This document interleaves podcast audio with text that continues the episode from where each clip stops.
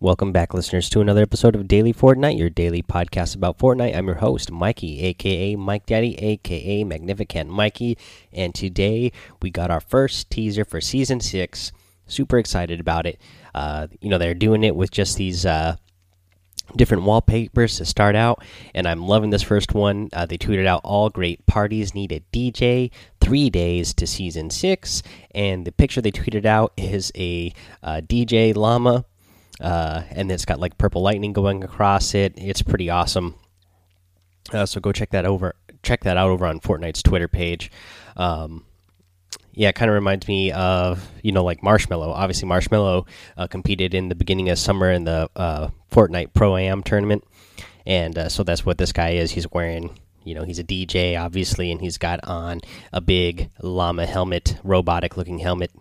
Uh, so he looks pretty awesome. Yeah, kind of like uh, Marshmello wears the helmet, or Daft Punk got their robotic uh, looking helmets there. So yeah, I'm a big fan of that. I like that.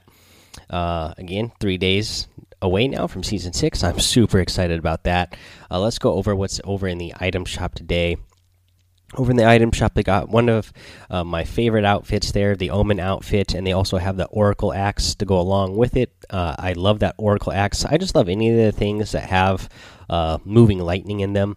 I've always been a fan of like the way lightning looks ever since I was a little kid. So any of the thing, you know, like the glider that has the, li the lightning strike glider that has the lightning on it, this Oracle axe that has light the lightning in the globe at the end. I, I love those things.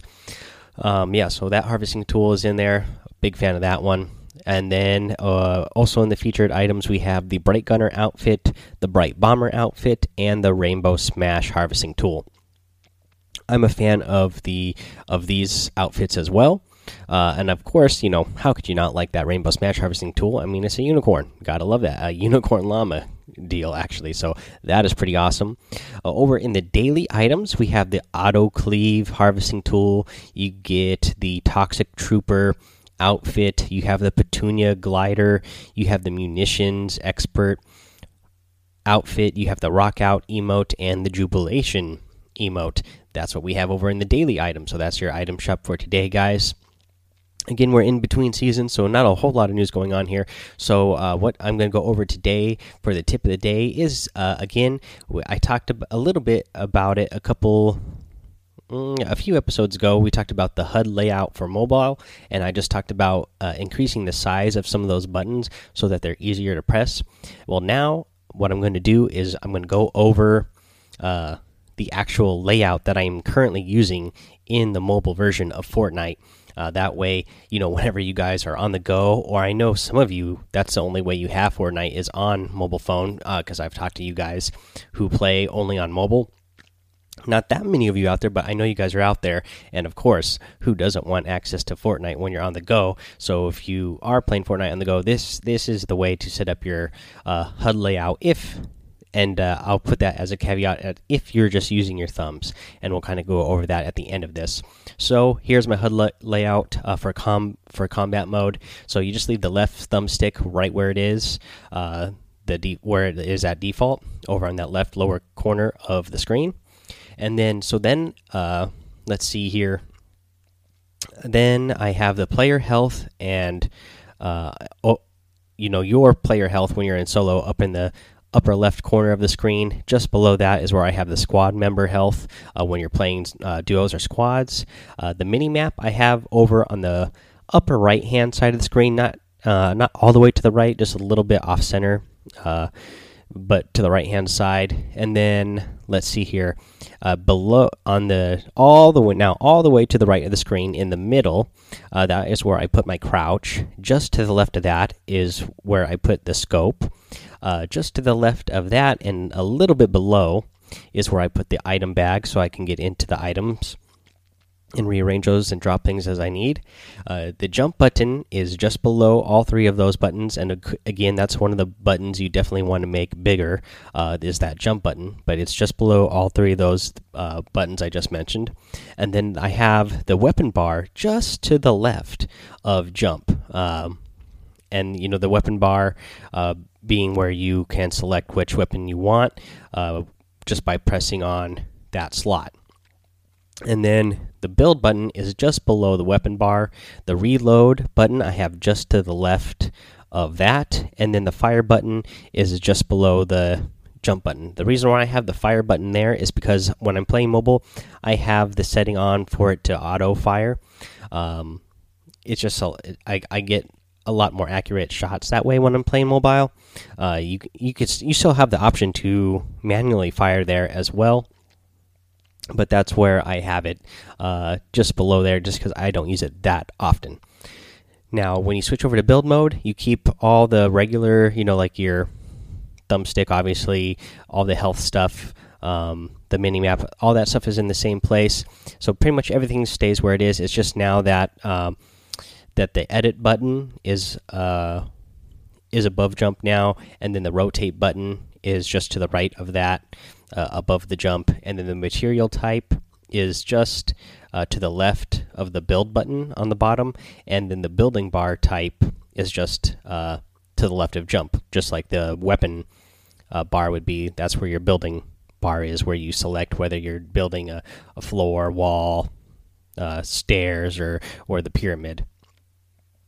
Oh, you know what? I forgot to mention. I think up in the combat mode, so the reload button I also have just uh, to the left of the build button down there. Again, that's one I don't use too often. Um, in mobile, I just don't feel like it's it's quick enough.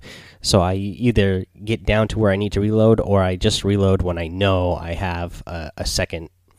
Okay, so let's see here. Yeah, that's pretty much it for that, guys.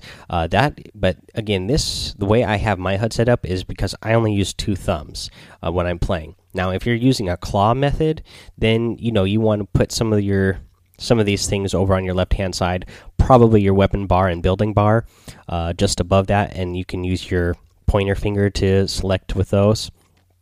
And that would be on your, uh, you know, above your thumbstick on the left hand side. Probably, uh, if you're using claw method to be more comfortable, they'd be kind of midway up the screen or on the upper corner of the screen, depending on how big of a screen you have.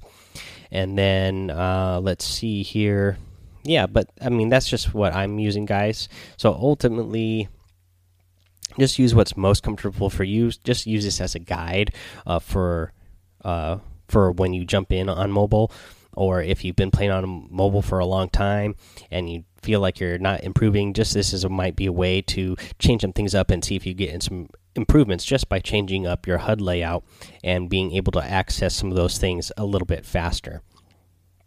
All right, guys, that's all I have for today. Again, these uh, next couple episodes are probably going to be uh, pretty short unless we get some big news uh, in in between seasons here. Or obviously going to go. I'll let you guys know what the teasers are here. I'll still give you the tip of the day. Obviously, we're still going to go over the item shop, but they should be pretty short episodes for the next couple days at least until we get the next big update and the next season starts. Uh, so I just want to remind you that you can go over to iTunes, Apple Podcasts rate, review, and subscribe. That helps out the show a lot. If you leave a five star rating and a written review, you will get shouted out here on the show. We have a couple of to get to today. Uh, so let's get to the first one here. This first one comes from Hank MB13. It reads The podcast is good. Five star rating, of course. It says, It's good. Just be more energetic. Covers a lot. Covers a lot of stuff. Some of it's just common sense, though. Thank you, Hank MB13, for that five star rating and written review. All right, guys. Uh, yeah, thanks for that one. And then let's see here. Uh, you know, again, for this one, uh, my my show it covers is it's covering uh, tips and everything for everybody at all levels of Fortnite, just not advanced people. Uh, that's why the community is for everybody to help everybody get better. And uh, again, uh, you know, I'm just an independent podcaster, small house, about a thousand square feet, uh, 20 feet away from my master bedroom here, maybe 10 feet away from where my recording space is from the kids' bedroom. So I don't get super loud while I'm recording the show or super animated because normally when I'm recording the show, uh, the family's asleep. So I don't want to wake them up. Um, let's see here. let's get to this next one. Uh, this one comes from P Gold Pyro 99. It kind of sounds familiar, but I'm not totally positive. But it reads here You are the best. It's a five star rating, and the it reads Love the show. Great. Love it. I love that you love the show. And thank you for that five star rating and written review here. Now, uh, I want to mention it. This one did sound familiar. Again, I'm not totally positive, so I read this one out but th there is a good i know for sure that there is a good at least mm, let's see here six or seven of you here who i know that i've read your reviews in the past uh, and you just changed your review and so it comes up on the on the feed again.